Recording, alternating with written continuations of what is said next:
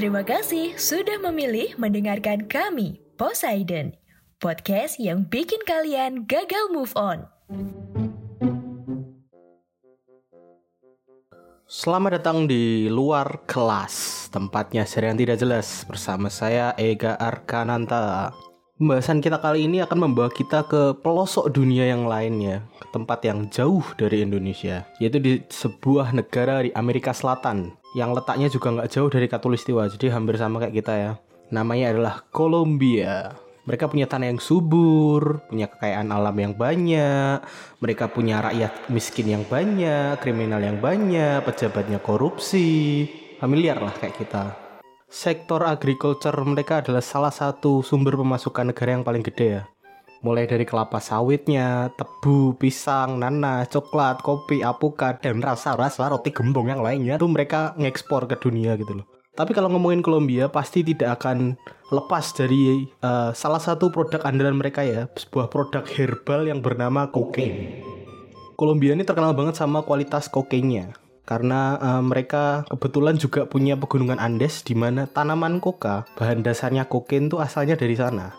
Endemik lah mereka jadi punya tanaman sendiri gitu. Tanaman khas mereka adalah tanaman penghasil narkoba. Mantap gak dan kalau ada bahan dasarnya uh, tentu saja kualitasnya bagus. Kalau begitu tentu saja dijual dong. Kalau kualitasnya bagus masa dipakai sendiri terus? Meninggal nanti mereka nggak punya duit narkoba di Kolombia ini nggak lepas dari yang namanya uh, Pablo Escobar ya.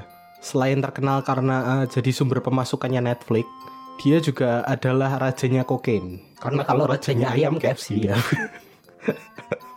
Pablo Escobar ini aktif di dunia narkoba antara tahun 1970-an sampai uh, dia meninggal di tahun 1993. Dan sampai saat ini dia juga masih memegang rekor sebagai kriminal paling kaya di dunia. Kalau dihitung inflasi sekarang tuh sekitar 70 miliar dolar. Itu kalau buat ngebangun IKN ya, IKN tuh cuma butuh sekitar 32 miliar kalau nggak salah proyeksinya Bapak Jokowi ya. Jadi uang dia kalau buat bangun IKN tuh jadi dua kali, itu penyisa. Nah, tapi kita nggak akan fokus sama karir sama kehidupannya dia, soalnya yang bahas sudah banyak banget. Kalian kalau penasaran bisa nonton Narcos ya di Netflix ada tiga season saya nggak promo Netflix ya tapi karena serialnya bagus jadi silahkan dilihat kalau kalian penasaran sama kehidupannya Pablo Escobar. Yang kita bahas ini adalah peninggalannya dia atau lebih tepatnya tuh eh, bekas rumahnya dia tempat tinggalnya dulu selama dia hidup. Namanya adalah Hacienda Napoles atau ya ini ya nanti ada bahasa Spanyolnya ya. Hacienda Napoles adalah sebuah kompleks mewah yang berukuran sekitar 20 km persegi atau sekitar 200 eh 200 2000 hektar. 2000 hektar ya luas sekali seperti pembukaan jalan tol lahannya. Walaupun bukan satu-satunya rumahnya Pablo Escobar jadi dia kan kaya, rumahnya banyak ya. Tapi kompleks ini sepertinya yang jadi favoritnya dia selama hidup karena dia paling sering ngabisin waktunya di sini lahan ini tuh dibeli Pablo Escobar tahun 1978 dan awalnya tuh cuma mention gitu rumah gede yang bekas miliknya kolonial Spanyol. Terus sama bangunan-bangunan kecil lainnya kayak uh, apa tuh namanya ranch. Ranch itu apa sih? Uh, kayak tempat kuda gitu-gitu loh. Bagian bangunan-bangunan kecil-kecil lainnya lah. Terus saat ditempatin dia bangunan itu direnovasi ya sampai punya berbagai fasilitas yang nggak masuk akal kalau ini tuh disebut rumah gitu loh uh, tempat ini tuh ada bandara pribadinya ya. Dia juga punya rumah bordil pribadi, ada kebun binatang pribadi, terus ada trek balap buat mobil F1, terus ada patung-patung dinosaurus tuh yang ukurannya gede. Terus dia juga punya koleksi kendaraan militer bekas sama koleksi mobil dan motor mewah. Ini lebih mirip jati pakai daripada rumah sebenarnya. Setelah uh, Pablo Escobar ini mati ditembak tahun 93 ya, Hacienda Napoles ini terus jadi salah satu di antara harta benda yang jadi sengketa antara keluarga Escobar yang tersisa sama pemerintah Kolombia. Di pengadilan ini yang menang adalah pemerintah Kolombia setelah sengketa tadi ya. Kompleks ini tuh akhirnya diserahkan ke pengelolaannya ke pemerintahan kota setempat sampai tahun 2006 di mana pengelolaan ini diambil alih sama pemerintah pusat Kolombia terus disewakan ke pihak swasta di mana kompleks bekas rumah kriminal ini sekarang beroperasi sebagai taman hiburan ya. Soalnya tadi kan fasilitasnya sudah banyak, tinggal diperbaiki dan ditambah-tambahi. Taman hiburan baru ini lengkap dengan wahana baru serta bekas reruntuhan rumahnya Pablo Escobar sama koleksi kendaraan mewahnya yang udah kebakar ya dibakar masa. Nah, jadi kalau para petani koka tadi atau para penjual narkoba di sana tuh kalau mau healing, bosen gitu ya kerja, itu mereka bisa uh, berwisata ke salah satu rumah gembong narkoba paling terkenal di dunia, terus uh, melihat masa depan mereka ya kalau nggak segera tobat tuh mereka akan rumahnya runtuh, mobilnya dibakar, kalau nggak meninggal duluan. Nah, Indianapolis ini waktu pertama kali diambil alih sama pemerintah tahun 93, kondisinya tuh udah terbengkalai, sempat ditinggal selama sekitar setahun lebih kalau nggak salah. Karena Pablo Escobar kan jadi buruan pemerintah, jadi dia lari ke mana-mana, bangunannya kosong akhirnya. Tapi kan tadi, bangunan ini punya kebun binatang pribadi.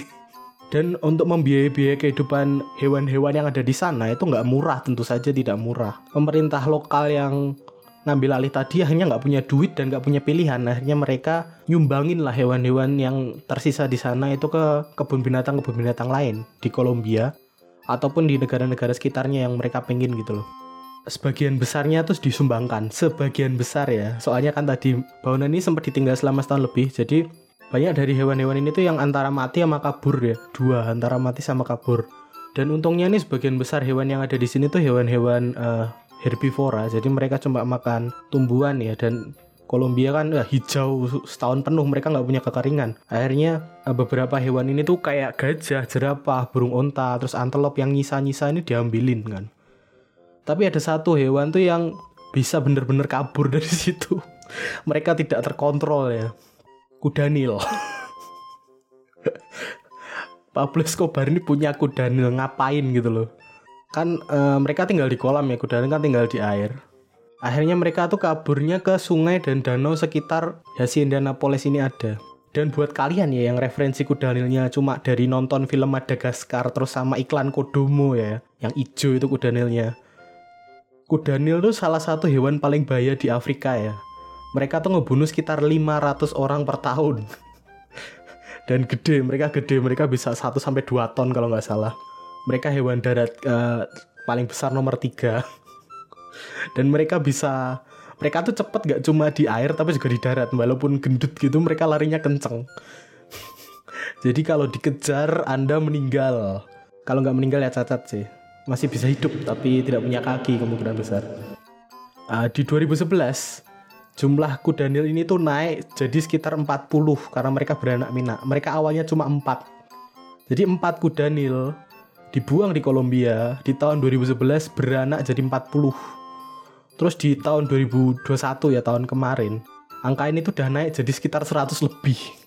Beranak pindah lagi double lagi Kudanil tuh kan kalau hidup di Kolombia mereka tuh udah kayak di surga gitu udah welcome to my paradise soalnya uh, di sana tuh nggak pernah kekeringan kan nggak kayak di Afrika gitu loh Afrika kan kering gitu nggak ada air nggak ada kesejahteraan tuh kan nggak ada kan di Afrika begitu mereka ditaruh di Kolombia yang hijau setiap tahun, hujan setiap tahun, ada air, ada makanan. Ya jelas mereka tinggal makan, berak sama beranak aja udah bisa hidup gitu loh. Dan pemerintah Kolombia tuh nggak bisa ngapa-ngapain.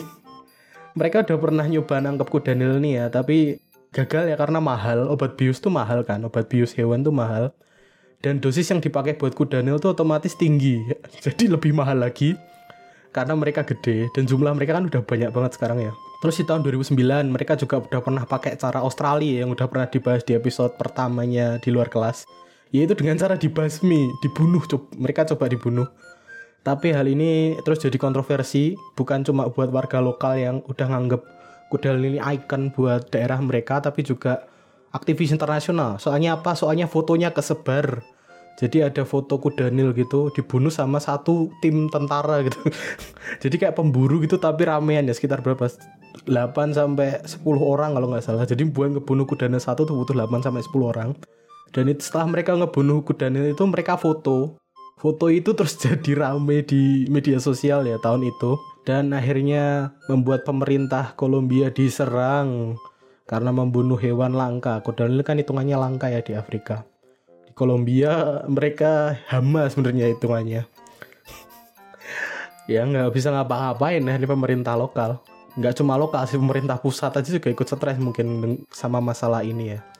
Mereka cuma bisa ngehimbau warga lokal aja buat ngejauhin kudanil nih. Soalnya kudanil kan bahaya yang masalah adalah warga lokal ini udah nganggep kudanil ini jadi ikon kota mereka ikon daerah mereka gitu loh jadi mereka nganggapnya ya maskot aja ngapain dibunuh gitu loh Ini kan sumber pemasukan kami. Aneh nggak sih kalau ngebayangin gitu loh, cuma dari orang yang jualan narkoba itu akhirnya tuh nyambungnya sama pendirian taman hiburan, terus nyambung lagi sama masalah lingkungan ya. Soalnya ada uh, geng Kudanil tuh lepas nyerang warga gitu loh. Uh, pesan yang bisa diambil dari episode ini tuh apa ya? Uh, jauhi narkoba. Ya jelas. Karena ternyata dari narkoba itu bisa tadi nyambung ke taman hiburan sama kudanil tuh nggak nggak nggak masuk akal. Terima kasih ya udah dengerin sampai habis ya. Penjelasannya tidak masuk akal juga ini. Kalau ada kritik dan saran bisa dikirim ke Instagramnya Poseidon ya di @podcast underscore Indonesia atau ke Instagram saya di @rotikecap. Kurang lebihnya saya mohon maaf ya. Saya Garkan pamit undur diri. Bye bye.